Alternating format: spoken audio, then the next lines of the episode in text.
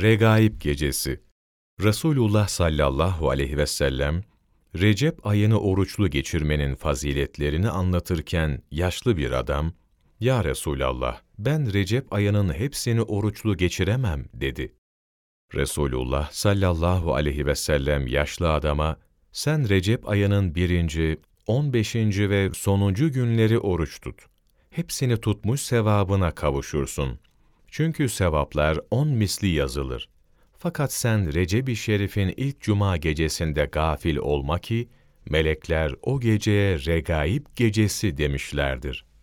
Zira o gece, gecenin üçte biri geçtikten sonra, göklerde ve yerde bir melek kalmaz.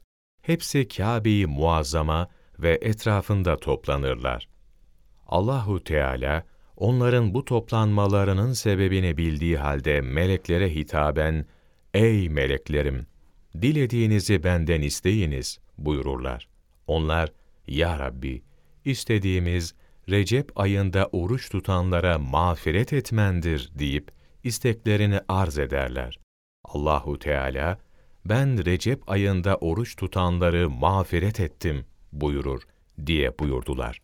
Müslim Regaib gecesi pek mübarek bir gece olduğundan bu geceden gaflet etmeyip bu geceyi ibadet ve taatle, zikir ve fikirle, tevbe ve istiğfarla, selatu selamla, dua ve niyazla geçirmelidir.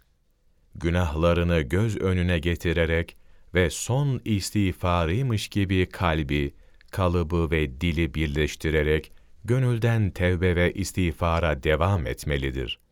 Yüce Yaratıcı'nın bu gecede peygambere ve müminlere büyük bağışlar ve ihsanlarda bulunduğu, mağfiret kapılarını ardına kadar açtığı, dünyaya rahmet saçtığı kabul edilmektedir.